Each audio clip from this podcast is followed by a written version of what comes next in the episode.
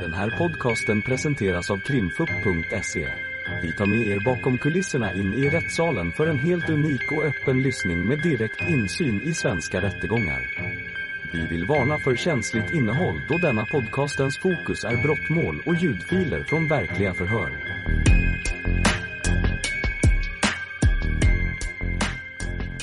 När du är redo. Ja, tack. Ja, vad hade du själv för kännedom om Melvin Sonne och hans problem innan han kom den 22 februari? Jag hade ju några dagar innan helgen eh, fått information om att det var en ung man som missbrukade droger.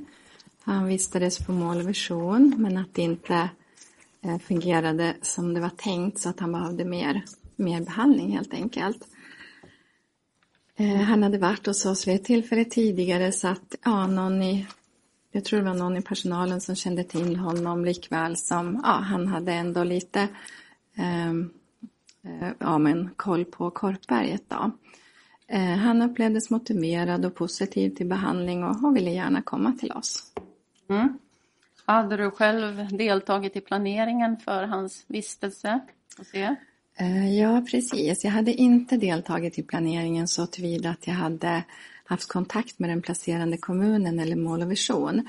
Eh, men jag var ju delaktig i planeringen på så vis att jag då, utifrån den här bakgrundsinformationen som jag fick innan helgen hade genomfört en lämplighetsbedömning och bedömt honom som lämplig att få komma till oss på behandling. Mm. Och hade du då själv någon del i beslutet om att ta emot honom den här dagen? Eh, nej, det hade jag inte. Nej. Och har du själv gett några instruktioner om hur han sen skulle tas om hand eller skötas? Eh, nej, jag gav inga instruktioner heller hur han skulle tas om hand eller skötas eftersom jag inte var med i mottagandet eller hanteringen av eh, Melvin under tiden han vistades på Korpberget. Utan vilka var det som gjorde det då? Eh, som var med i hanteringen. Vilka bestämde att han skulle tas emot och vilka bestämde hur han skulle tas om hand? Ja, men precis.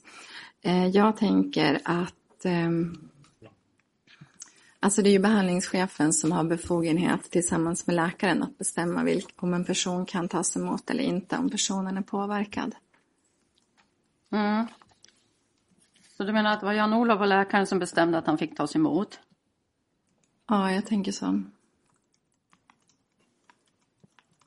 Mm. Ska se här.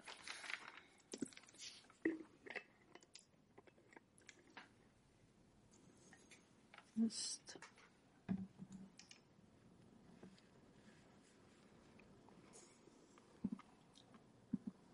Det här med att du har ansvar för alla in och utskrivningar, vad innebär det då? Mm, precis.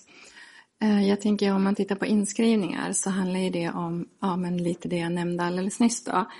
Att jag ska göra en lämplighetsbedömning innan de kommer till oss, eh, att man är lämplig för vår behandling.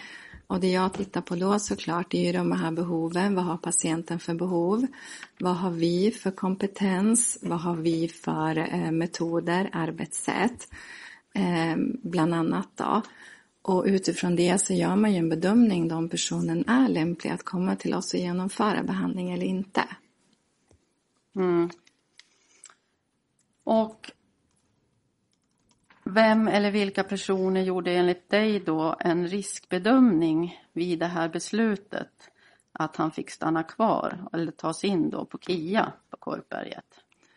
Um, ja, um, jag vet inte riktigt exakt eh, vem, vem eller vilka det var men jag tänker ju att eh, Lasse, Tommy och Janne är inblandade i mottagandet men vem eller vilka som har fattat beslut eller gjort riskbedömningen det vet jag inte.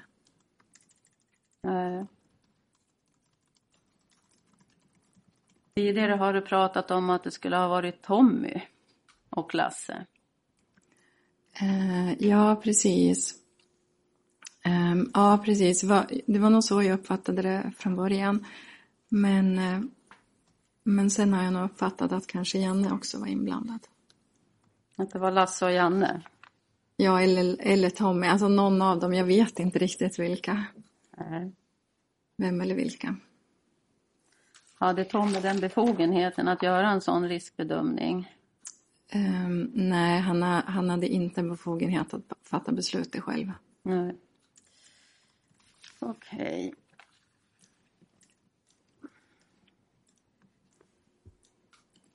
Och vilka uppgifter var det då som man hade tillgång till när man gjorde den här riskbedömningen då?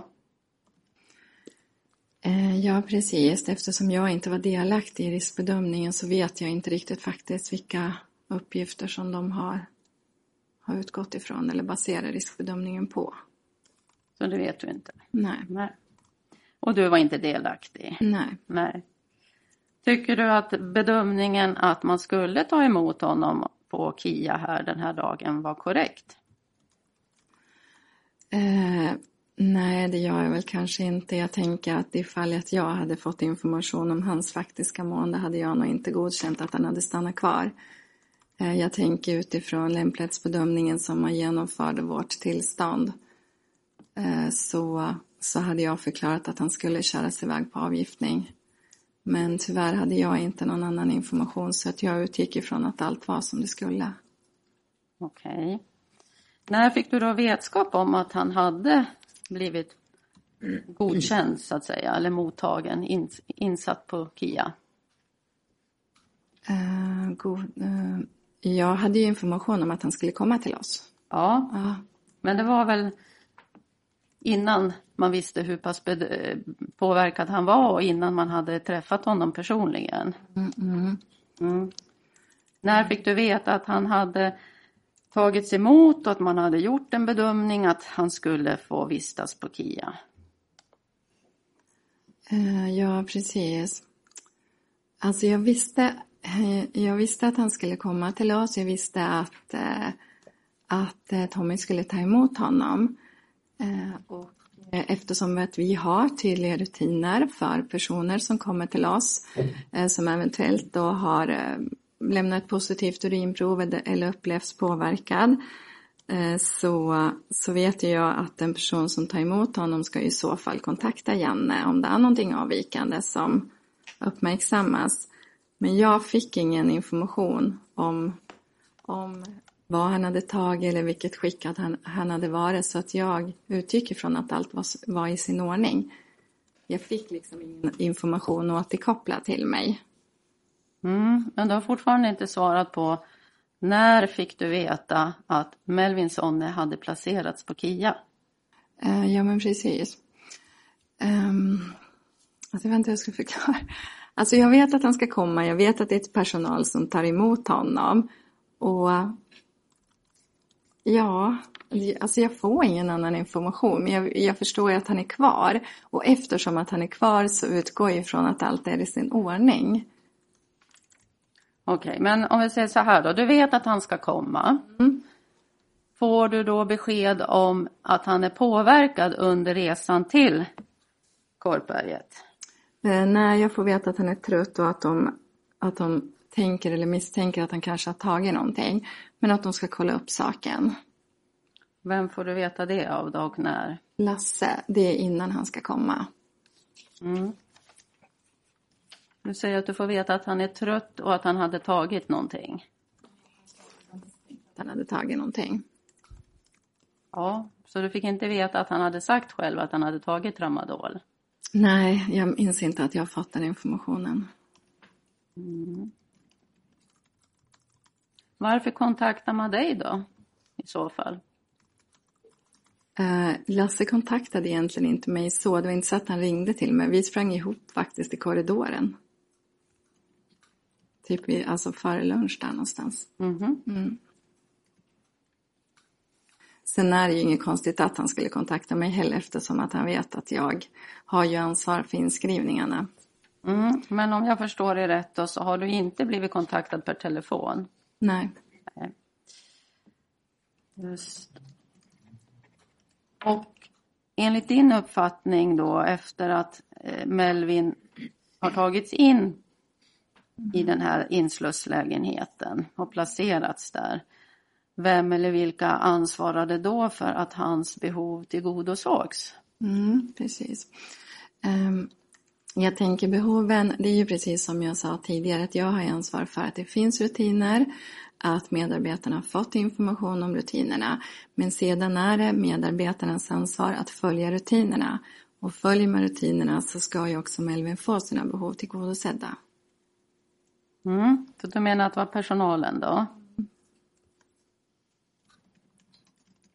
Och vem eller vilka personer hade till uppgift att bedöma ifall att han behövde eh, läkarvård och i så fall kontakta läkare under den tiden? Eh, ja men precis, det blir också medarbetaren som utför tillsynen som har det ansvaret. Men jag tänker också tillsammans med behandlingschefen ifall att det skulle vara något så kontaktar ju de alltid honom. Mm. Och du anser att personalen hade den kompetensen att avgöra ifall att Melvin Sonne behövde läkarvård eller inte? Eh, jag anser att eh, personalen eller medarbetarna på Korpberget har en väldigt hög kompetens. Jag tänker de har både flera och adekvata vidareutbildningar och lång erfarenhet av behandlingsarbete. Eh, corporate har ju alltid haft ett väldigt högt förtroende och ett gott rykte inom branschen och det beror ju på att personalen är väldigt kompetent. Eh, det som är är väl dock att eh, det är inte meningen att personer som har tagit opiater eller morfiner i nära anslutning ska vistas hos oss. Kortfattat svar på frågan. Du menar alltså att personalen hade kompetensen att avgöra om han behövde läkarvård eller inte? Uh, ja, uh, ja, jag tänker att, att de är, ja, de är väldigt kompetenta. Men sen kanske... Ja, sen om... Ja. ja. Absolut. Absolut. Ja. Då ska vi se på den egna utredningen här.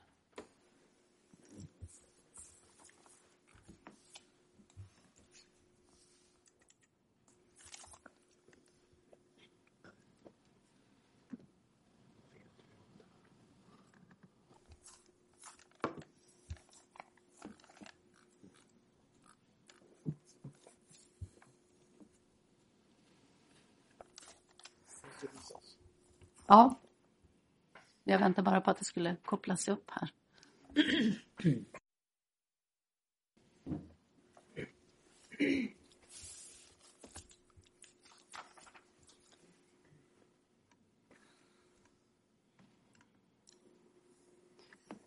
Då har du en rubrik på sidan 263 som heter processer, rutiner och riktlinjer. Mm. Och så står det där, då patienten kommer till Korpberget efter att ha intagit narkotika tillämpas våra rutiner för inskrivning av patient med extra behov. Mm. Efter bedömningen att han får stanna kvar, vilken innefattar regelbunden tillsyn och observation. För att säkra upp kring patienten och försöka förhindra ytterligare mm. drogintag får patienten visa vad han har i fickorna och under sina, klä under sina kläder mm. samtidigt som hans packning lämnas på kontoret. En kroppsvisitering är på ett HVB-hem förbjuden. Korpberget har även kontakt med läkare kring patientens status och medicinering enligt våra riktlinjer. Mm. Och sen står det föreståndare. Mm. Så det är väl du då som skriver de här sakerna va? Mm. Vad menar du med regelbunden tillsyn och observation? Är det det du sa förut, att det skulle vara varannan, var tredje timme eller eh, ja, men, ja, precis, precis. Ja. Och hur menar du att tillsynen av Melvin Sonne skedde under den här tiden? Mm. Ja, precis. Alltså hur ofta de skedde, de som var, eller? Ja, tidpunkter och vilka kontroller som gjordes. Ja, ja precis. Um, alltså, det är ju väldigt långt, uh, länge sedan jag skrev den här texten. Um, men jag tänker väl att det har väl varit en viss regelbundenhet i tillsynerna. Mm.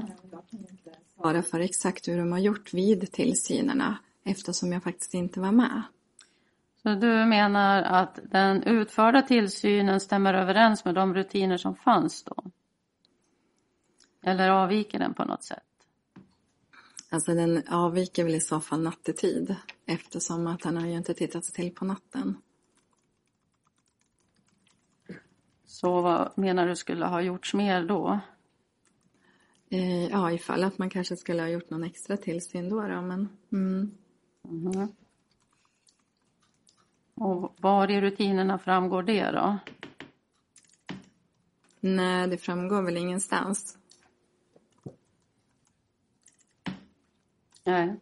Men du har ju efterhand fått veta tillsynsintervallerna så att säga. Och så har du väl, för det är ju du som har skrivit det här om hur de har skett. Med vilka tidpunkter och eh, att man då vid två tillfällen klockan 12 och 14 var det väl om jag inte missminner mig hade försökt Mm. väcka honom. Mm. Menar du att det var en tillsyn som stämde överens med de rutiner som fanns eller inte? Alltså jag, ja, jag tänker väl egentligen att, eller jag tänker väl ändå att det stämmer överens Mm. ganska, ja, ganska väl. Mm.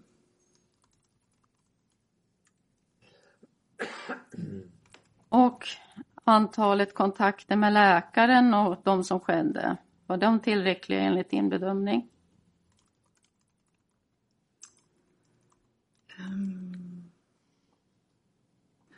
Alltså jag tänker, det har ju funnits en kontakt med läkare initialt. Um, inför den här bedömningen tänker jag att han skulle stanna kvar eller inte. Uh, sen eh, kan man ju inte, det blir, blir konstigt att sia i efterhand ifall man skulle ha kontaktat läkaren mer ofta.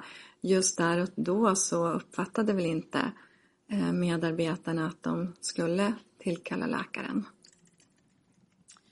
Och hur fick du själv då vetskap om den tillsyn som utövades? Eh, Jag fick ingen återrapport om de här tillsynerna för det har vi ingen rutin för.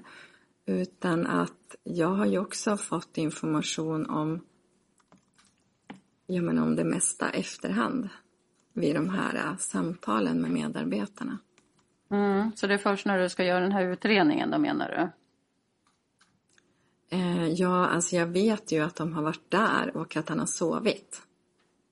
Mm. Är det någon som har berättat för dig då hur det var med honom, att han inte gick att väcka och så vidare? Vilka kontroller som gjordes?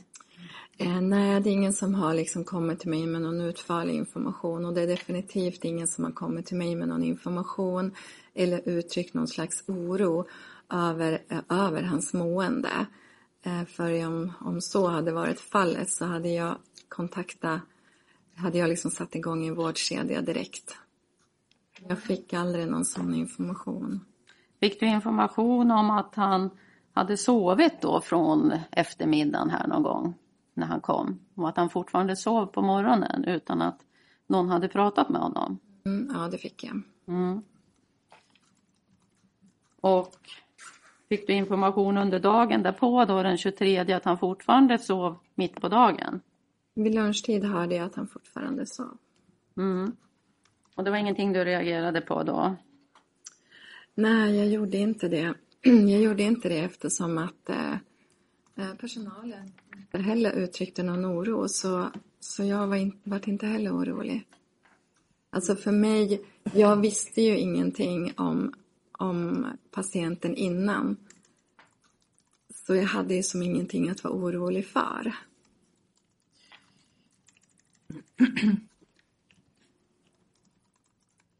Och enligt din uppfattning då, vad var anledningen till att Melvin Sonne blev liggandes i cirka ett dygn innan ambulans tillkallades?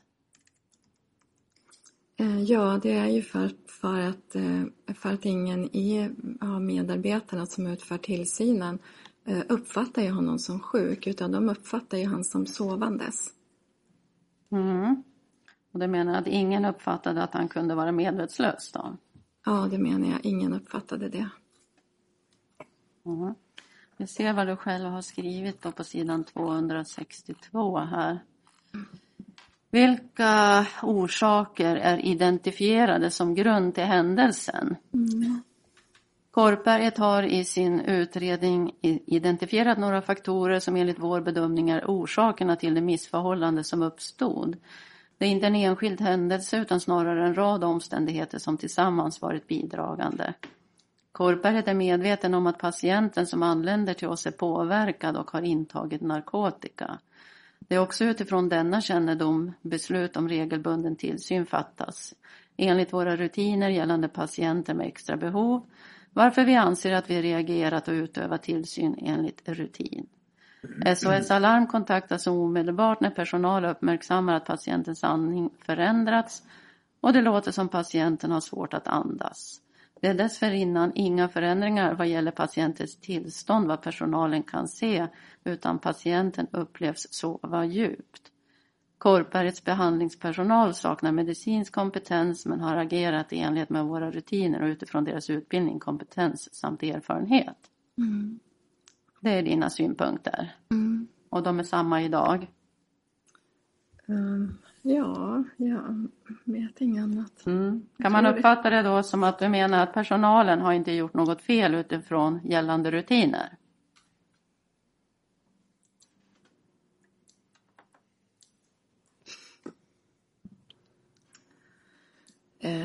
Ja, ja, det kan man väl uppfatta, tänker jag.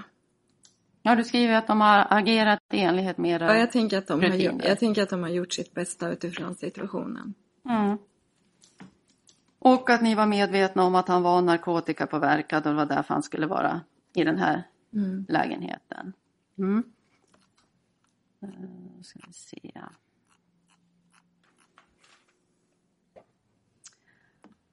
Här har du skrivit angående den här riskbedömningen då som du menar att du inte har varit delaktig i. Mm. Att Korpberget har i sin riskbedömning tagit hänsyn till den information vi haft från början. Mm. Att patienten avvikit från behandlingshemmet under helgen men kommit tillbaka och uppfattats som icke påverkad på morgonen. Mm. Han har således tagit narkotika på vägen från boendet till oss men har under resan samtidigt vistats vistats med personal. Mm. Vår uppfattning är att patienten tagit ett mindre omfattande återfall och hanterar situationen utifrån det faktum. Mm. Mm. Hur bildar ni er den uppfattningen då? Mm, precis. Alltså jag tänker säga, jag eh, vill säga igen att den här utredningen är inte gjord utifrån mina iakttagelser eller bedömningar. Men någonstans säger jag, när jag har också pratat med mina medarbetare, så behöver jag liksom försöka förstå hur de, hur de har tänkt liksom, utifrån den informationen jag har fått. Liksom. Eh, och i, eh, så, så det är väl det jag kan tänka mig, liksom. eller få ihop, vi har säkert pratat om det. Men att det är ju det de har att förhålla sig till. Det här är en patient som ändå var nykter och drogfri på morgonen. Han har vistats med personal hela resan. Och då liksom utgår man väl ändå från att man kommer till oss och är nykter och drogfri. Ja, då har du skrivit att han har uppfattats som icke påverkad. Det kanske inte är samma sak som att man verkligen är nykter och drogfri. Um, ja, Ja, det är väl kanske ordvrängeri, men jag tänker att personalen på Målvision Vision har ju sagt att de har de, har ju, de sa ju till Lasse, vad jag har uppfattat i alla fall, att personen var nykter och drogfri på morgonen när de hämtade han i lägenheten. Mm -hmm. Och ändå har du skrivit det på det här sättet då? Okej, okay. och det här med att han skulle bara ha tagit ett mindre omfattande återfall då, vem är det som har kommit fram till det? Hur gjordes den bedömningen?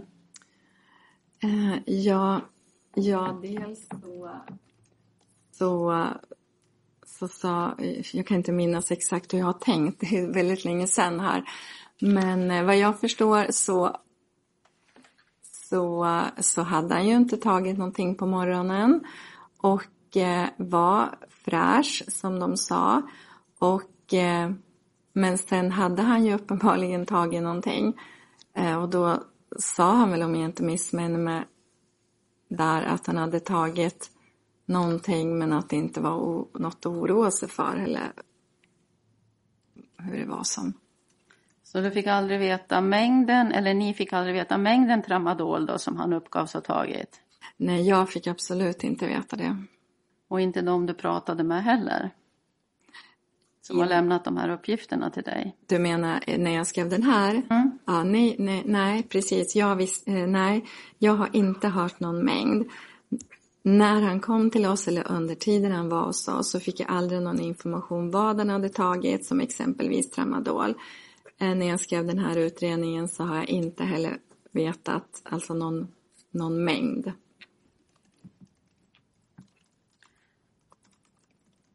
Och du menar att ni fick inte heller veta att han skulle ha tagit Lyrica då? Eh, Jo, det är uppgifter som jag har fått veta i efterhand när jag har pratat med medarbetarna. Mm. Precis. Men det är ju en medarbetare som säger redan vid 14-tiden tror jag det var att han fick veta att han hade tagit Lyrica. Ja, men han säger det inte till mig. Nej, men jag frågar inte dig. Det är ju Nej. du som skriver här att vår uppfattning är Korpberget har och så vidare. Mm, mm. Mm. Eh, Ja, jag tänker att då var ju riskbedömningen redan gjort. Också för den gjorde de väl när han togs emot kanske vid, inte vet jag vad klockan har varit, kanske vid ett. Eh, Då, så det, det är väl uppgifter som kommer fram sen också vill jag minnas att, att patienten säger det senare till Dennis när han är där. Mm. Och om någon annan då hade fått veta det, menar du att man hade gjort någonting annorlunda då? Eh, Det kan jag inte svara på. Nej. Om vi då tittar. Ska vi se. Här, sidan 262 så har du också någon rubrik som heter Samhällets utveckling och struktur. Där du bland annat har skrivit att flera av våra patienter är påverkade och eller lämnar positiva ankomstprover på antingen alkohol eller narkotika då- då de inte genomfört en medicinsk avgiftning inom vården. Flera av de patienter som försöker att avgifta sig på egen hand tar återfall innan de kommer till oss på Korpberget. Det betyder att beroendevården, trots medicinska rekommendationer om att en beroende ska avgiftas innan behandling, ofta börjar på ett HVB-hem så som hos oss. Och det stämde, att jag det menar- var så. Ja, precis. Ja, det är ju tyvärr så. Jag nämnde ju det tidigare. Mm. Och jag vill också tillägga att under den här tiden med coronan så var, vart det än värre. Jag tänkte de stängde ju ner äh, avgiftningsenheter. Sundsvalls sjukhus till exempel stängde ju ner hela sin avgiftningsenhet ehm, för att de behövde vårda patienter som hade corona istället. Så att det har väl blivit liksom, det faller ju över på, på oss att socialtjänsten, kriminalvården likväl har svårt att få ut sina patienter i avgiftning och det är det som vi får handskas med efterhand. Så det här var inte något unikt då, om jag förstår det rätt. Eh, nej, För Korpbergets del innebär det att vi med regelbundenhet ställs inför att avvisa eller ta emot en på- påverkad patient eh, eller en patient som uppvisar ett positivt ankomstprov. I den här patientens fall finns en förväntan att patienten kommer till Korpberget drogfri då han åker direkt från ett stödboende. När det motsatta uppdagas påtalar Korpberget redan i ett tidigt skede att patienten behöver avgiftning innan inskrivning kan bli aktuell. Då patienten vägrar samt att informationen är att återfallet är av mindre omfattning omvärderas beslutet och patienten tas emot på Korpberget för en bedömning. Korpberget upplever patienten som påverkad och trött. Mm. Eh, precis, ja det är ju precis som, som det står. Jag tänker att eh, ehm, ja, Lasse har ju, tänker jag, i samtalet med eh, socialtjänsten redan pratat om hur den här personen, det är ju liksom en väsentlig del i remittenssamtalet att prata om hur ska den här personen kunna vara nykter och drogfri när han kommer hit. Så jag tänker att det är väl något som de har pratat om, jag vet inte hur det gick, men ehm, eller hur, hur samtalet liksom gick sådär. Men eh, han är ju på ett stödboende och då finns det ju såklart en förväntan och det utgår jag från att socialtjänsten också har. För de om några vet att vi inte jobbar med någon slags avgiftning. Stämmer det att det var på tal att ni skulle säga nej då, att han skulle åka på avgiftning först? Eh, det är uppgifter jag har fått till mig i vart fall. Eh, att, att vad heter det, att han fick till sig att, ja men Lasse sa det från början där. Mm. Att han skulle åka på avgiftning. Men att man sen ändrat sig då? Precis. Ja. Varken Korpberget eller socialtjänsten kan tvinga patienten till avgiftning mot hans vilja så länge han inte är tvångsomhändertagen enligt LVM. Korpberget ställs själva inför valet att låta en påverkad patient lämna Korpberget och fattar utifrån den riskbedömningen beslut om att låta honom stanna kvar. Mm. Beslutet tas med hänsyn till patientens bästa, vilket är stöd och behandling, då alternativet att låta honom lämna Korpberget är förenat med stora risker då han har ett narkotikamissbruk. Mm. Vad menar du med det då? Eh, ja men precis. Um, uh, ja men jag menar det, det, ja, jag menar det som står tänker jag. Men alltså om jag har förstått liksom den här situationen som utspelar sig här på KIA så uh, så är det ju så. Alltså det är väl mer ett konstaterande, tänker jag, att vi kan inte tvinga någon till avgiftning. Vi kan försöka få någon att åka till avgiftning. Medan socialtjänsten har ju ändå en möjlighet. De hade ju kunnat i samtalet eh, gett stöd till oss till exempel, vårt initiala beslut och sagt att ja men nu är det faktiskt det här som gäller. Men de, eh, ja jag vet inte riktigt hur, jag kan inte svara för hur de tänkte. Eh, men i varje fall, så att någonstans så eh, så så um, Om ja. inte frågan om ett LVM upp på bordet då menar du? Um, alltså jag, jag var ju som inte med i de här situationerna. Jag har ju bara fått återberättat till mig. Men jag fattade som att det kom upp på bordet med den information jag fick av Tommy. Men det var mer som ett hot att stannar du inte där så riskerar du ett LVM. Så, så har jag fått till med uppgifterna. Men om det liksom stämmer till 100 procent, det kan inte jag svara på. Mm. Men, eh, Men skulle det då ha påverkat Korpberget i valet?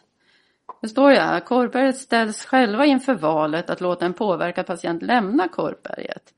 Och ja, om då det var på bordet att han annars skulle bli omhändertagen. Jag tänker ifall socialtjänsten hade uppfattat honom som väldigt påverkad och kanske insett att nej men, här kommer faktiskt inte Korpbergs resurser och kompetens räcka till. Då hade de faktiskt kunnat ta ett beslut om ett omedelbart omhändertagande. Och då hade vi med stöd av det på något vis polisanriktning eller vad som faktiskt fått iväg honom till en avgiftning. Men vi fick inte det stödet som jag uppfattade i situationen. Så någonstans, och jag uppfattade också, jag vet inte om det står någonstans, men att liksom mål och vision vill inte riktigt heller ta tillbaka honom. Så någonstans så blir det ju Ja, så blir ju ändå liksom, så står Korpberg med bollen i sin hand. Liksom. Så du menar att det var socialtjänsten som skulle känna till vilken kompetens Korpberget hade att ta emot Melvin? Eh, ja, de ska ju känna till att vi inte jobbar med avgiftning. Och de vet ju att en person ska vara avgiftad och nykter när de kommer till oss. Men, Men här vet ni ju också att han inte är avgiftad. Och det är ju ni som väljer att ta emot honom. Mm. Vad var alternativet då menar du enligt den här skrivningen? Det är att bara låta honom gå ut på gatan och eftersom att han var väldigt påverkad eller påverkad på något vis, jag har ingen aning, jag var inte där, så var, var väl de rädd att, ja men vad skulle hända då? Ännu mera missbruk eh, för att lyckas på vägen. Någon, alltså den här personen var ju i behov av behandling. Så, så då var det väl ändå bättre på något vis att låta honom stanna kvar. Så trots att socialtjänsten sa som ett hot att han annars skulle bli omhändertagen enligt LVM så menar du att han i så fall skulle ha fått gått ut på gatan då? Nej men, nej men vänta, det är inte trots så. Alltså, om inte Melvin frivilligt valde att stanna kvar på korpet, då skulle han bli LVM, LVM omhändertagen. Mm. Och det vill man ju inte som patient.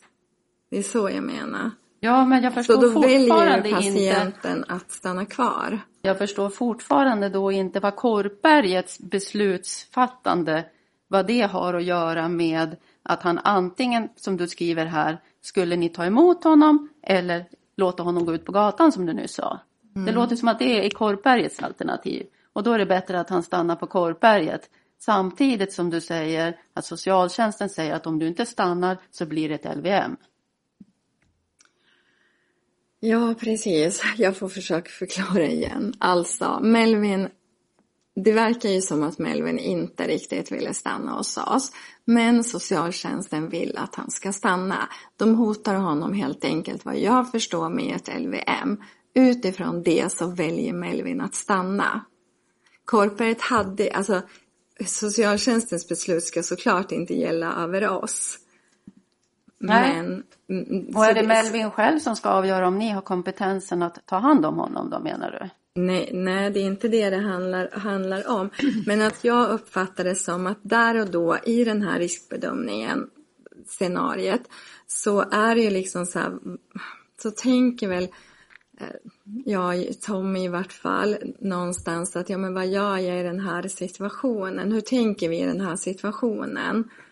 Eh, Behandling är ju ändå för patientens bästa än att låta honom gå ut. Alltså jag, ja, jag kan inte förklara det på ett annat sätt. Nej. Men det stämmer att det var uppe då alternativet att han annars skulle bli omhändertagen enligt LVM då.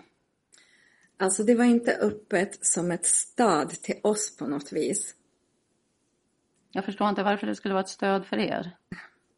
Nej men jo, därför att om vi först tycker att den här personen ska åka på en avgiftning men personen inte vill det, då hade socialtjänsten kunnat, de hade inte heller kunnat sagt till Melvin i telefonen, Melvin vi vill att du ska åka till en avgiftning. Då hade han sagt nej. Då hade vi stått där båda två utan någon, någon liksom vi hade inte kunnat få iväg han till avgiftning fast vi hade önskat.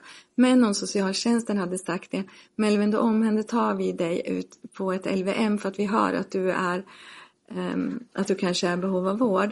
Då hade de kunnat tagit det beslutet och då hade patienten kommit iväg på avgiftning direkt. Mm. Men det gör han ju inte eftersom ni säger att han får stanna istället. Nej, precis. Eller hur? Mm. Okej. Då tittar vi på sidan 264. Utbildning och kompetens har du skrivit där. Mm.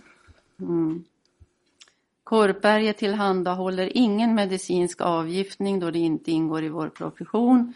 Vi saknar egen medicinsk kompetens och har inte utrustning såsom en sluten vårdinrättning för att kunna övervaka en patient under hela hens avgiftningsprocess. Enligt Korpbergets policy ska patienten tvärtom vid behandlingens start vara nykter och drogfri samt vid behov genomgått en medicinsk avgiftning eller läkarbedömning som visar på att det inte föreligger några medicinska hinder för att genomgå behandling. Mm. Hur kommer det här att gå ihop då med att ni ändå då tog emot Melvin? Ja, jag tänker att de som har valt att ta emot Melvin har inte uppfattat att han är i behov av någon avgiftning Mhm. på det viset. Och ändå så har det inte då han gått, genomgått en medicinsk eh, avgiftning eller läkarbedömning. Alla patienter genomgår ju inte en medicinsk avgiftning eller läkarbedömning även om det är önskvärt. Mm. Mm. Och du menar att de som då bedömde det här, eh, eller de som tog emot, det vill säga Tommy här, han skulle kunna göra en sån bedömning huruvida han eh, behövde avgiftning eller inte, eller om han behövde en läkarbedömning som kunde visa på medicinska hinder eller liknande. Jag tänker att det har ju skett en läkarbedömning. Eh, våran konsultläkare har ju varit inblandad i ärendet här från början. Ja, det är ju efter väl han har hamnat på KIA som man ringer honom. Ja, men jag tror det är ganska, nej det är runt han är på KIA. Alltså jag tänker det sker ju allting ganska snabbt som de pratar med Åke där. Mhm. Så jag har uppfattat det i alla fall. Så du menar att det är innan man bestämmer att han ska tas in på KIA och innan man bestämmer att eh, han, eh, vad heter de här som kommer den första? Mm, mhm. Dennis får till uppgift att ta blodtrycket och sånt. Det är innan man har bestämt att han ska få vara kvar. Alltså jag, ja, alltså jag tror att de faktiskt har kontakt med läkaren innan. Okej. Och sammanfattning, då har du då skrivit Sammanfattningsvis har Korpberget fattat ett beslut om att låta patienten få stanna kvar hos oss för tillnyktring och kommande behandling baserat på de uppgifter som framkommit i vår riskbedömning. Att patienten haft ett mindre omfattande återfall på vägen till oss. Vi fattar beslutet utifrån patientens bästa, vilket är stöd och behandling. Så alternativet är att låta honom lämna Korpberget och fortsätta sitt narkotikamissbruk. Korpberget upplever samtidigt en påtryckning och önskan från socialtjänstens sida om att patienten ska få stanna kvar samt att stödboendet inte vill ta något mer ansvar för patienten. Varför vi påverkas att ta emot patienten trots att vår inledande bedömning är att han ska åka på avgiftning.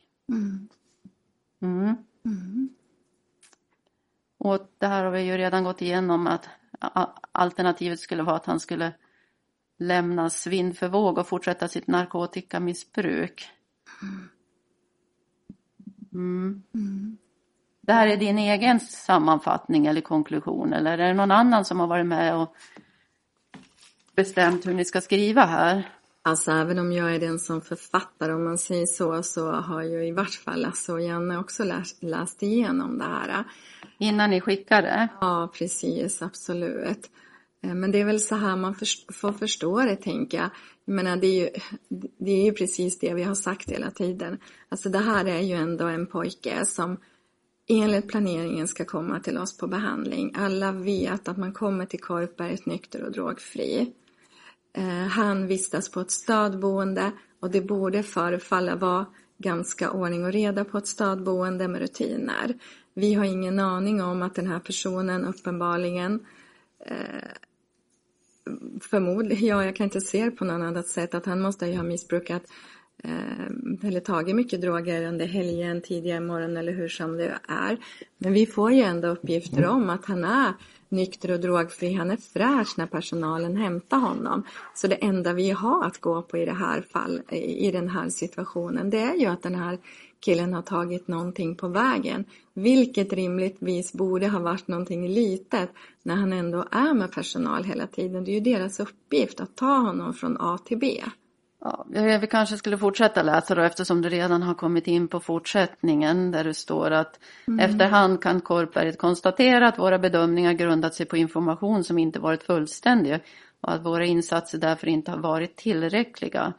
Korpberget har utifrån den bristfälliga information vi erhållit agerat och hanterat situationen utifrån bästa förmåga. Vi kunde rimligtvis inte uppfatta att det eventuellt fanns en pågående blödning i patientens hjärna, men vi hade fattat ett annat beslut om vi haft korrekt information redan från början. Mm. Korpberget vet inte patientens dödsorsak men har, vilket nämns redan från början, agerat i enlighet med våra rutiner och haft en regelbunden tillsyn av vår patient.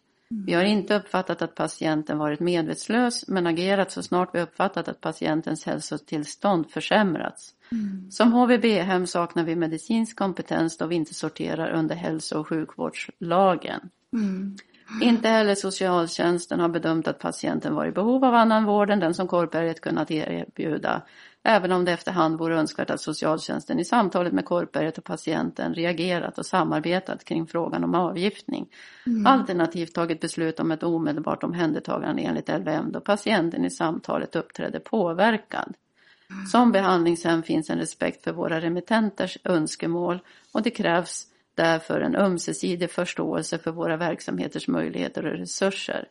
Vi är beroende av våra remittenter för att fortsätta bedriva beroendevård, liksom deras stöd när patienten vacklar i motivation. Mm. Det är väl det du redan har sagt lite grann, att du tycker att socialtjänsten skulle ha gjort andra saker eh, och att ni då inte hade tagit emot honom om jag förstod det rätt.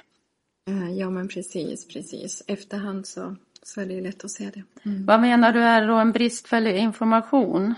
Eh, precis, ja men det är det, det är det jag menar att vi har liksom eh, vad jag förstår så har inte Lasse fått en fullständig bild av hur det har sett ut den sista tiden.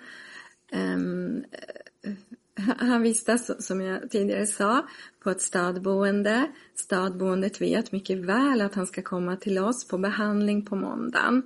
Eh, men han har ju liksom, vad jag förstår så har ju patienten eh, kanske inte ens vistats, tror jag, på målvision under helgen utan varit någon annanstans. Men så vi har ju liksom, jag menar, man grundar ju besluten på den information man har och i det här fallet är ju det att han har tagit någonting på vägen. Mm, vad var det som saknades då? Menar du att han hade inte varit på vårdboendet precis dagen innan? Eh, det som saknades är ju att han eh, uppenbarligen hade ju jag uppfattar det som att han har missbrukat väldigt mycket under helgen. Han har kräkts på vägen. Han har ju tydligen sagt, tror jag, eh, att han har tagit ganska mycket tramadol. Han säger ju inte samma sak till Lasse. Så att jag menar, det är sådana här saker. Det kan ju, vara, kan ju verka som små saker men i sammanhanget blir det ju otroligt viktigt. Mm. Var det någon av er då som ställde frågan till Melvin hur mycket tramadol han hade tagit? Uh, ja, det frågar ju Lasse i samtalet vill jag minnas. Ja. Sen kanske du frågade sen, det kan jag ju inte svara på eftersom jag inte var med. Vid det här bedömningsmötet som skedde på plats på Korpberget, Ja. ställdes inte den frågan där? Nej, jag kan inte svara på det. Jag, Nej. eftersom jag inte var med. Och var det någon som frågade mängden lyrika som kom fram att han hade tagit? Eh, Jag vet inte det heller. Nej. Var det någon som ställde frågan om han hade kräkts, mått dåligt? Vet inte det heller. Nej. Och var det någon som frågade när han hade intagit tramadolen eller narkotikan? Eh, nej, det vet jag inte, men det skulle jag nog tro att de har pratat om. Mm. Jag skulle tro att man har pratat om det. Ja, jag, kan, ja det, jag kan inte tänka mig något annat. Jag kan inte tänka mig att de inte heller har pratat om hur mycket lyrika han har tagit, tänker jag. Det här sista som du har skrivit då, att ni är beroende av era remittenter för att fortsätta bedriva beroendevård. Vad menar du med det? Eh, ja, jag tänker liksom att det är, ja hur ska man säga? Eh, ja, men det är väl, det är väl lite det som står, tänker jag. Man är ju beroende av varandra och behöver liksom förstå varandras kompetens. Ehm, jag menar, även om Um, och, om, alltså man, man, är, man är beroende av varandra både med och motvind kan man väl säga. Vi är ju beroende av att få patienter från socialtjänsten såklart. Så kan man se det. Men vi är ju också beroende av att de också eh, måste se vad vi, vad vi liksom eh, kan mäkta med. Och som i det här fallet, det här stödet till exempel om kanske ett omedelbart LVM. Eller att de hade liksom tvingat iväg honom på socialtjänsten. De har ju har ju andra påtryckningsmöjligheter än vad vi har. Efter den här händelsen då, har det företagits några ändringar av rutiner och arbetssätt? Men absolut, det har jag. Eh, Det har ju, eh, vi har ju gjort eh, ja, några nya rutiner och nytt arbetssätt och eh, den största skillnaden är, vi, är väl att vi inte tar emot påverkade patienter överhuvudtaget. Mm. Det står ju här på sidan 266 då vilka åtgärder som ni skulle ha vidtagit och då fick ni väl backning på några som ni sen kompletterade upp va? Eh, ja men precis, vi fick ju om det några gånger. Mm. Men bland annat då så står det där att utgångspunkten är att en klient som kommer till Korpberget ska vara drogfri och nykter och genomgått en medicinsk avgiftning eller läkarbedömning och så vidare. Men det, är väl, det var väl samma som tidigare, var det inte? Ja men precis, det är samma som, som tidigare det är det. Men vi har ju fått liksom jag vet inte, vi har, alltså vi, i, det börjar redan, alltså det, det här, för att vara säker på att vi inte ska skriva in en person som på något vis är påverkad så är det liksom sker det i flera steg.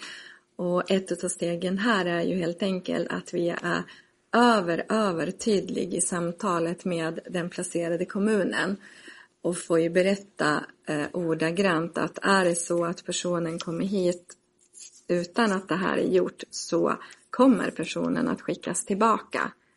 Till exempel. Men så utgångspunkten är ju densamma. Men vi har säkrat upp. Vad är skillnaden på de här punkterna som står här som du har räknat upp mot hur det var tidigare? Jag tycker det verkar vara ungefär samma saker. Nej, men de här punkterna som du har uppe nu, det är de gamla punkterna som inte är godkända. Jaha, Så det, det är någon annan sida som de nya är. Mm. Men var inte det där bara det första så fick ni backning på det här med fort om ni skulle ta emot eller inte ta emot påverkade personer va? Ja, precis. Den här som du visar nu, det är ju den sista. Mm. Men det, skillnaden var väl det här att ni inte skulle ta emot påverkade patienter? Ja, precis. Och det här är liksom hur vi ska göra för att vi inte ska misslyckas. Ja. Liksom.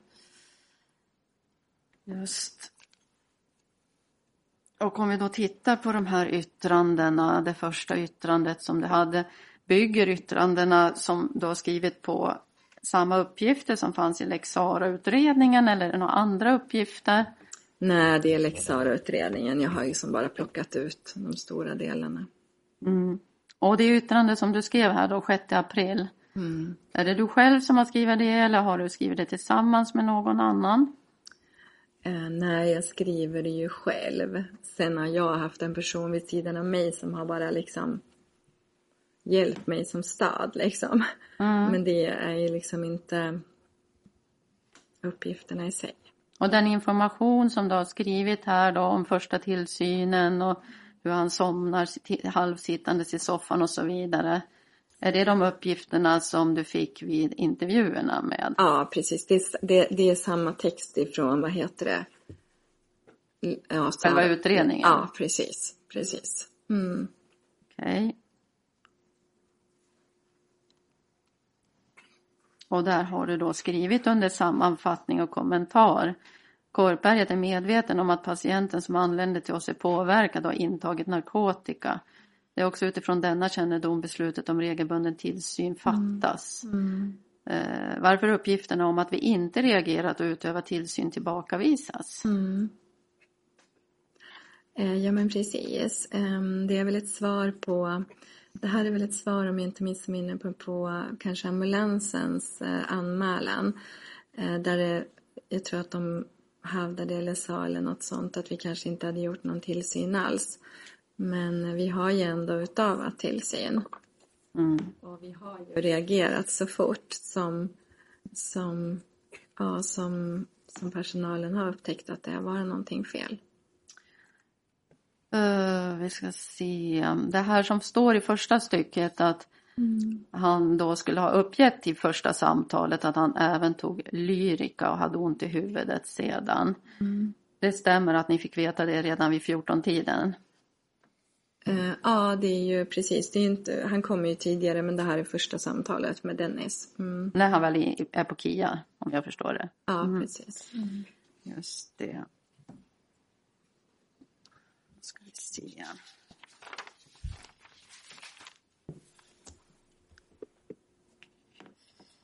Vet du om man gjorde någonting för att förändra den position som Melvin satt i? Halvsittandes i soffan som du har skrivit här. Eh, ja, men precis. Ehm, nej, inte vad jag vet har man försökt göra det. Okej. Och det var bara två tillsynsbesök under kvällen här, kvart över sju och kvart i elva. Och sen först kvart i sex på morgonen därpå då. Eh, ja, precis. Men att jag har ju förstått det som, eller, eller jag vet, Love har ju sovit i, i samma lägenhet, eller vad man ska säga, i rummet bredvid. Så jag förstår det som att Love har väl, ja men lega, ja men väldigt nära i alla fall och hört honom. Mm. Fanns det några rutiner på Korpberget om hur man skulle göra om någon inte gick att väcka? Nej, det gjorde inte det. Och fanns det några rutiner som beskrev hur man skulle göra för att försöka väcka någon? Nej, inte vad jag vet.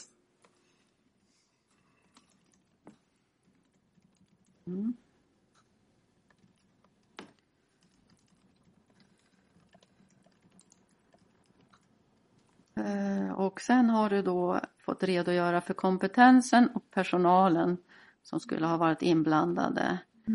Och då skiljer det ju sig lite från den första anmälan du gjorde där du också hade räknat upp ett antal personer. Hur kommer det sig att du nu har ett, ett, antal andra namn på listan och tagit bort några? Eh, Ja men precis, jag måste titta. Jo, därför att rubriken är ju för personal som arbetade i omhändertagandet av Melvin. Så på den första var det ju behandlingsenheten och här är det omhändertagandet av Melvin. Mm. Så då har jag bara tagit upp dem nu då som var i Ja, men som var inblandade. Hade någonting med honom att göra? Ja, precis. Okej. Och, jag ska se, se. Sen har du på nästa sida då, sidan 232 eh, bemött någonting som Elvins mamma har anfört. Mm. Och då vill Korpberget förtydliga att det inte var känt att Melvin kräkts på vägen. Mm. Och ni ville också tillbakavisa uppgifter som gjorde gällande att Melvin skulle ha haft en sittande position under natten. Mm. Mm. Vår uppfattning är att han lagt sig till rätta i en position. Mm.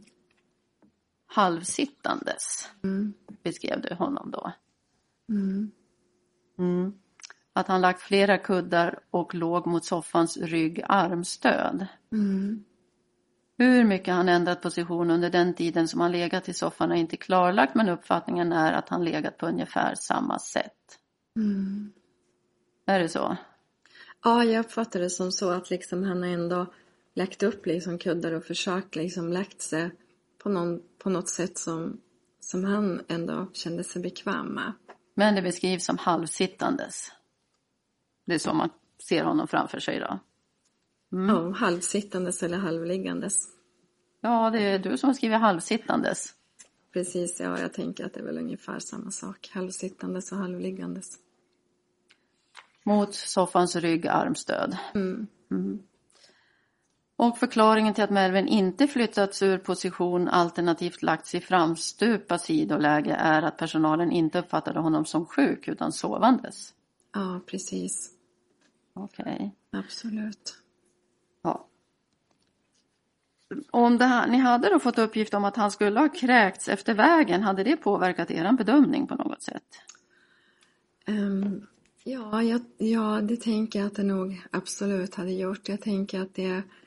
ehm, jag tänker att kanske Janne och Lasse är bättre på att eh, prata om det, men det tror jag säkert att det hade, för jag tänker det är ju en, alltså det är en... Det tyder ju på att någonting inte står rätt till. Och du själv då, om man har tagit narkotika eller för mycket narkotika, brukade man kräkas eller inte? Kunde man göra det, må dåligt av ett intag?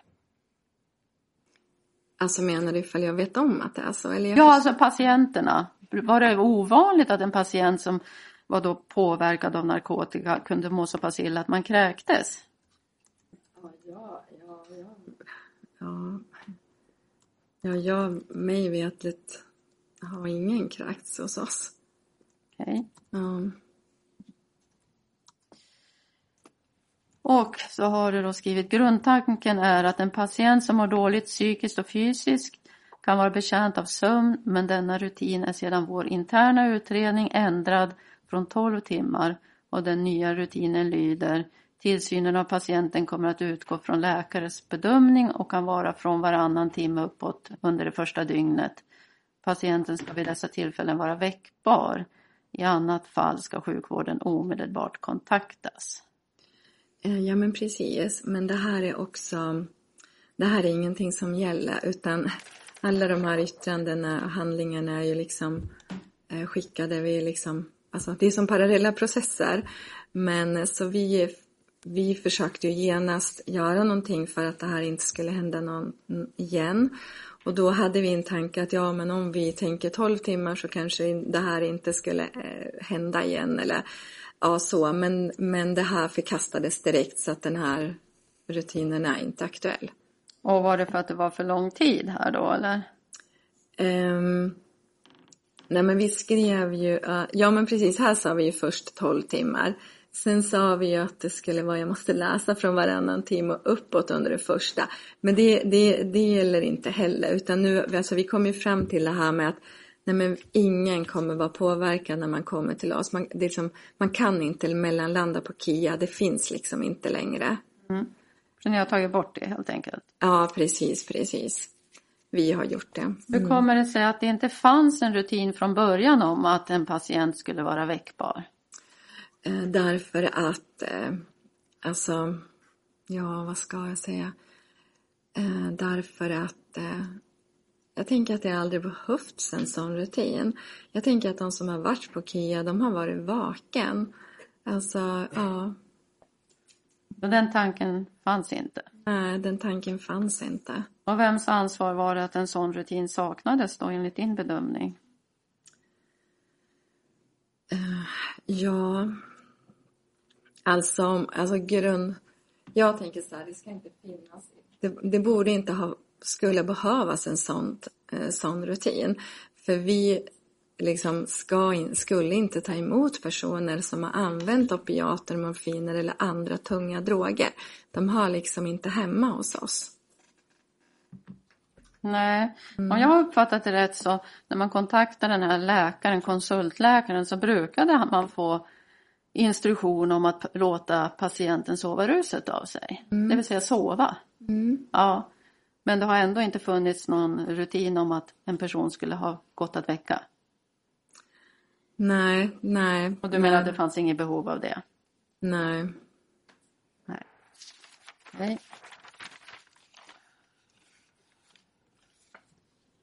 Och det stämmer att sen har ni kompletterat då i november 21 med och ändrat rutinerna igen här då i det sista yttrandet som vi hoppade till alldeles nyligen. Eh, Ja, Ja. precis, precis. Att ni skulle avvisa om det kom någon som var Ja, Eh, Just det, och för att säkerställa att den information som är nödvändig för att göra en korrekt riskbedömning vid inskrivning kommer frågan om patienten använt droger i närtid ställas direkt till patienten själv. mm.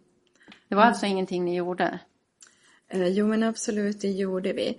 Eh, Jag tänker att man får se det här som en... eh, Alltså det, på det här pappret är det väl kanske fem olika punkter som vi har jobbat med par, parallellt. Liksom.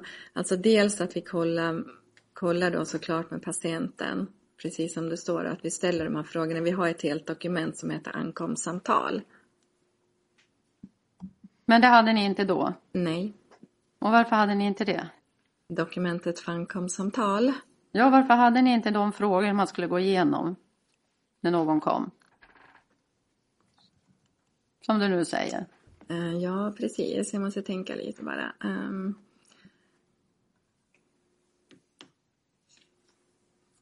Alltså jag, jag tänker... ja. Jag tänker väl att man såklart har frågat patienten. Om man märker att någon är påverkad så frågar man väl om den har tagit någonting. Alltså det är klart att det är en dialog med patienten. Det var inte så att vi inte pratade med patienterna innan.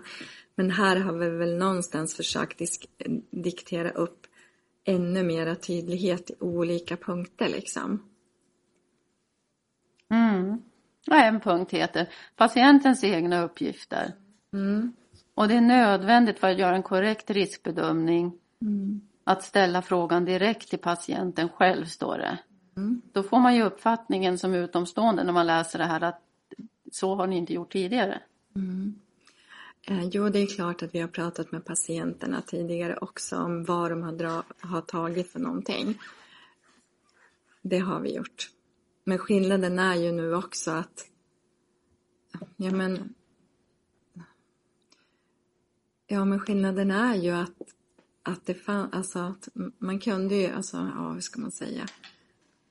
Har ni då pratat med Melvin Sonne och frågat honom vad han hade tagit eller gjorde ni inte det? Jo men det har ju, jag har inte frågat han men det vet vi att andra medarbetare har gjort. Mm. Och då betyder det att ni visste att han hade tagit tramadol och Lyrica och vilken mängd? Eh, nej, Varför inte det? Vi visste ju, eh, vad jag förstår så har han ju berättat att han har tagit tramadol men inte hur mycket. Trots att ni har ställt frågan och pratat med honom. Ehm, ja, så vad jag vet, jag vet inget mer. Mm. Och Lyrikan då? Eh, ja, jag har ju fått till mig här efterhand att han har tagit lyrika men jag, jag vet inte om de har frågat hur mycket, jag var ju inte med. Nej, men jag menar här är det ju att man ska göra, det jag försöker reda ut är, det ni här har skrivit som en ny åtgärd, att ni ska ställa frågor till patienten själv. Det är patienten som vet om den intagit droger eller ej och vi måste därför utreda frågan innan vi gör en bedömning, står det. Och då är min fråga, är det här en nyhet eller var det någonting som borde ha gjorts när Melvin kom och hade första samtalet här på Korpberget? Ni skulle bedöma honom, det var därför han kom i, dit. Mm. Och, du, och jag förstår det som att du säger, jag utgår från att andra har ställt frågan. Det här är självklart att man har pratat om det och ändå så verkar det som att du säger att vi visste inte att han hade tagit eh, lyrika förrän vid klockan 14 en annan person får veta det här. Jag tänker att den är väl skriven som en ny, ny rutin. Där, där vi ändå, jag tänker att det blev ju noggrannare att patienten kanske eh, fick liksom ja, men redogöra skriftligen helt enkelt för vad man har tagit. Ja. Och hur mycket och när i tid. Ja, men fler, fler uppstaplade följdfrågor helt enkelt. Det här då, personalens bedömning. Mm. Det är också en ny rutin då. Som ett komplement till patientens egna uppgifter har Korpberget infört ett evidensbaserat självskattningsinstrument som kan användas vid alla inskrivningar på Korpberget för att förhindra att en påverkad patient skrivs in igen. Mm. Och det var som du sa, något frågeformulär. Personalen har utifrån sin kunskap om missbruk och dess kännetecken möjlighet att genom observation och iakttagelse se om en patient är påverkad eller ej. Mm. Hade man inte den kunskapen tidigare menar du? Eller möjligheten? Absolut, det hade de. Men jag tänker också att vi hade en helt annan rutin. Vi hade ju faktiskt en rutin där vi hade en beredskap för att man faktiskt att det kunde komma en patient till oss som var påverkad på något vis. Men att vi ändå hade en rutin att det fanns en möjlighet att få stanna kvar. Mm. Så, så, personalen hade ju den här kompetensen även tidigare. De hade den kompetensen. Ja. Mm. Okej, okay. då har vi IVOs beslut här då, ska vi se. Redan har gått igenom. Punkten fyra var ju de här bristerna som ni skulle komplettera med. Så har vi då... Vi har hållit på över en timme. Ja, vi kan ta en paus om det på... Jag vet inte hur många frågor. Jag tänkte, min tanke var att Nej, det är inte många frågor kvar nu. Nej, det var det jag tänkte. Vi avslutar åklagarens del för då, ja. kan vi ta en paus sen. Mm. Varsågod, fortsätt. Skälen för beslutet, och då har jag gjort numreringarna längst ut för jag tycker de stämmer överens med de punkterna överst. Korpberget borde överhuvudtaget inte tagit emot Melvin som var uppenbart påverkad av något han själv angav var tramadol och lyrika och att verksamheten då i strid med sitt initiala beslut om att inte ta emot honom ändå skrev in honom i verksamheten är en allvarlig brist. Delar du IVOs bedömning här? Um, uh, ja, jag tänker att uh, jag har ju faktiskt sagt fler än en gång att personer som använt opiater eller morfiner eller liknande ska ju inte, ska ju inte vara hos oss. Så du delar bedömningen? Punkten 2. Den tillsyn av Melvin som utövades av Korpberget var inte tillräcklig. I det aktuella fallet och enligt de tidsangivelser IVO tagit del av lämnades Melvin ett flertal timmar utan bedömning av något slag, vilket inte är en adekvat övervakning enligt IVOs mening och utgör en allvarlig brist. Delar du den bedömningen? Eh, ja, precis. Jag tänker väl så här att... Eh, ja. Mm. Ja, precis. Jag tänker väl så här att hade de kanske haft en mer regelbunden eh, tillsyn så, så hade ju kanske inte det här hänt. Så är det ju. Bara att den skulle vara mer regelbunden. Du tänker inte att sättet hur man utför mm. tillsynen har någon betydelse då? Jo, absolut. Så, så är det väl också. Mm. Mm. Så det är dels bristen på antal tillfällen men även hur man har gjort när man har kontrollerat honom då?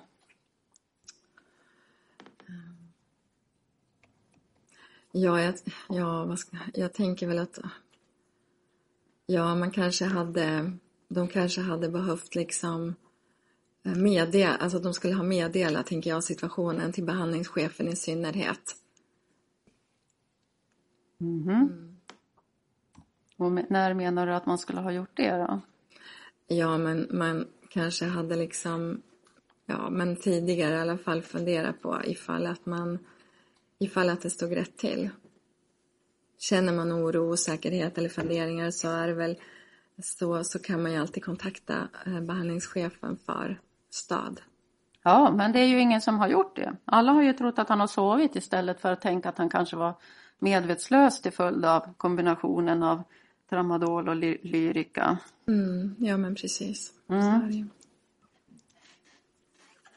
Men delar du Ivos bedömning här då att det har brustit i det här fallet? Um, ja. Är du tveksam? Ja, jag, ja jag, jag vet hur jag ska säga. Men jag tänker väl att, ja. Mm. Ja, jag delar den uppfattningen. Och det sista man fann var att ambulans tillkallades i ett sent skede då personalen uppmärksammade att Melvins andning var påverkad mm. är enligt IVO en allvarlig brist. Mm. Under tillsynen försökte personalen enligt uppgift vid två tillfällen väcka Melvin genom att prata med hen och ruska i hens kropp. Trots detta vaknade han inte. Och med beaktande av den blandning av preparat han hade i kroppen och att han inte vaknade när personalen röskade i honom mm. så är det sannolikt att han då var medvetslös. Mm. Att personalen inte förstod det är ett klart samband med att personalen saknar medicinsk utbildning och kompetens. Mm. Och då skulle man utan dröjsmål ha ordnat med en medicinsk bedömning alternativt tillkallat ambulans. Mm. Delar du den bedömningen också? Um, alltså jag, jag, mm, jag tänker att de har väl de har väl gjort såklart utifrån sin förmåga men att ja, jo men jag mm. Och vem eller vilka menar du då bär ansvar för att inte de här tre punkterna uppfylldes? Mm. Att de här bristerna föreligger? Mm. Jag tänker här att personalen hade följt de rutiner som finns och faktiskt kunna de har ju ändå möjlighet att eh, kontakta läkare för en medicinsk bedömning. Mm. Så personalen borde ha kontaktat läkare tidigare och då hade problemet löst sig? Ja, det kanske inte hade lett till att det som hänt idag i alla fall, om de hade kontaktat läkare eller behandlingsskedet, eller behandlingschefen i tidigare skede. Mm. Och du menar att de hade den kompetensen? Att mm. inse att han inte bara sov utan var medvetslös? Alltså vid osäkerhet så kan de ju alltid kontakta någon annan men så, så har ju inte hänt i det här fallet. Nej, och hade de kompetensen att avgöra att det kunde vara någonting annat än att han sov? Jag tänker att de har ju väldigt hög kompetens, personalen på korparet som jag har sagt tidigare. Eh, men att... Eh, mm. Så de borde ha upptäckt att han var medvetslös då? Är det så jag ska tolka dig? Eh, jag tänker att... Um, ja,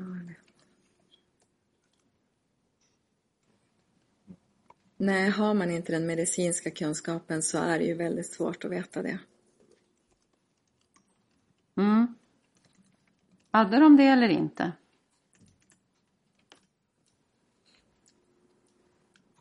Jag tänker att de...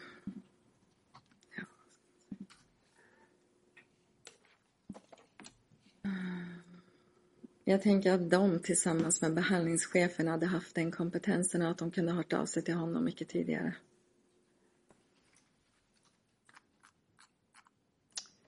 Sen säger Ivo på nästa sida att dödsorsaken för Melvin möjligtvis inte var en överdos utan hjärnblödning till följd av en skada i huvudet och nacken. Det förändrar inte Ivos bedömning.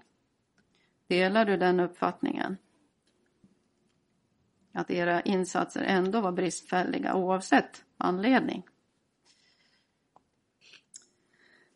Ja, det är inget jag har tänkt på. Um...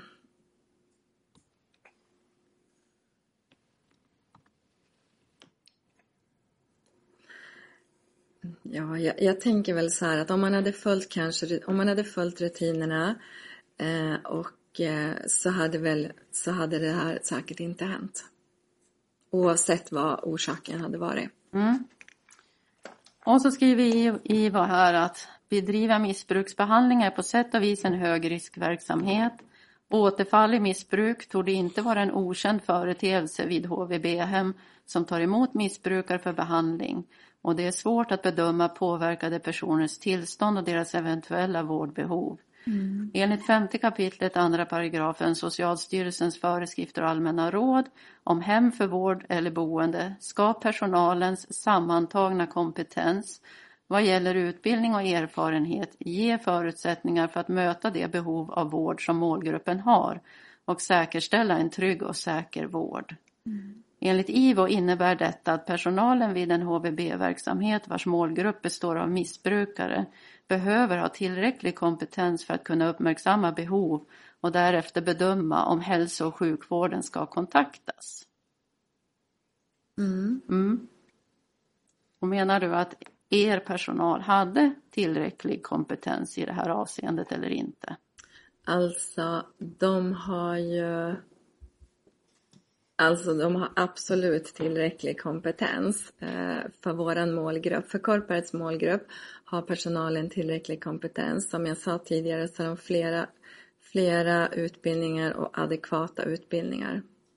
Och de hade det här i februari också? 21. Ja, absolut. Lång erfarenhet av behandlingsarbete också. Fanns medicinsk kompetens? Eh, medicinsk kompetens finns ja, men det är ju bara via läkaren. Inte hos personalen? Nej. Mm. Man skriver vidare då lite om blandmissbruk och skriver att för att ett HVB ska kunna ta emot blandmissbrukare av opioider och opiater primärt för avgiftning till nyktring behöver hemmet således ha medicinsk kompetens och viss insatsberedskap för att vården ska kunna bedrivas på ett tryggt och säkert sätt. Detta gäller särskilt i det tidiga vårdförloppet då utvecklingen av förgiftningstillstånd vid blandmissbruk är svåra att bedöma. En avsaknad av sådan kompetens medför enligt IVO att de boende riskerar att inte få de insatser de är i behov av från verksamheten och från andra externa vårdgivare. Detta kan leda till att personerna blir försämrade i sitt hälsotillstånd eller faktiskt skadas. Mm. Kände du till de här föreskrifterna och allmänna råden i februari 2021? Eh, de här som står här? Ja, de som man hänvisar till här. Eh, ja, det, det, det gör jag. Mm. Mm. Precis. Och delar du då IVOs bedömning om vilka krav som måste kunna ställas på personalens kompetens, kompetens på ett sånt här hem som ert? Um, Ja, jag tänker det första här att de har en tillräcklig kompetens för att uppmärksamma behov och bedöma om hälso och sjukvård ska kontaktas. Ja, men absolut, det sa jag här för en stund sedan. Eh, det här nästa som är grönt så tänker jag att, eh, att vad heter det, eh, Alltså tanken är inte att vi ska ta emot patienter för avgiftning eller tillnyktring som har använt opiater eller morfiner, den gruppen. Eh, det är inte liksom inom ramen för, eh, för vårt tillstånd, tänker jag, för vår kompetens. Så du delar inte deras bedömning att man skulle ha den kompetensen som ett HVB-hem? Jo, fast det står ju ifall att man jobbar med avgiftning till nyktring. Det gör inte vi. Det står att enligt IVO innebär det att personalen vid en HVB-verksamhet vars målgrupp består av missbrukare och så vidare. Inte att man arbetar med avgiftning. Nu pratar ni om olika stycken. Åklagare, ja, eller vad heter det? Hon pratade ju om det gröna stycket, nu är åklagaren ja, någon annanstans. Mm. För i gröna stycket står det för att ett HVB-hem ska kunna ja, ta emot bland. Ja. Ja, ja, så det var ju, ni pratar om ja. äpplen och päron. Menar du att bara för att ni inte normalt sett arbetade med avgiftning så behövde ni inte ha den kompetensen då? Är det så jag ska tolka dig? Ja, alltså, men, alltså personalen på ett HVB-hem behöver ju inte medicinsk kompetens. Så har jag ju förstått det. Vi sorterar ju under socialtjänstlagen. Det är ju behandlare, behandlingsterapeuter och de har ju ingen medicinsk kompetens på det sättet. Nej. Mm. Har åklagaren tänkt gå igenom fem sidor till så Nej. är det bra om vi tar en paus. Det ska jag inte. Jag skulle bara fråga då om hon, vad hon själv anser att hon hade en sån här kunskap och utbildning för att ta, omhänderta drogpåverkade personer. Och hur de skulle då, eh, vilken uppsikt och vilken vård de behövde vid den här tidpunkten. Om du själv ansåg att du hade tillräcklig kunskap och utbildning. Precis. Eh, alltså jag tänker att jag har tillräcklig kompetens om våran, eh, tillräcklig kompetens eftersom att IVA har bedömt mig lämplig som föreståndare. De har ju i min skrivelse till dem prövat min kompetens i förhållande till vår verksamhet, i förhållande till våran målgrupp. Eh, som jag sa tidigare så eh, är det inte meningen att vi ska ta emot personer som i närtid har tagit opiater eller morfiner. Vi har liksom inte eh, vi, vi har inte den kompetensen utan jag utgår ifrån att, eller jag tänker att Ivo tänker att jag ändå har en kompetens att se skillnaden på, på det. Mm, då kan jag stanna där. Mm.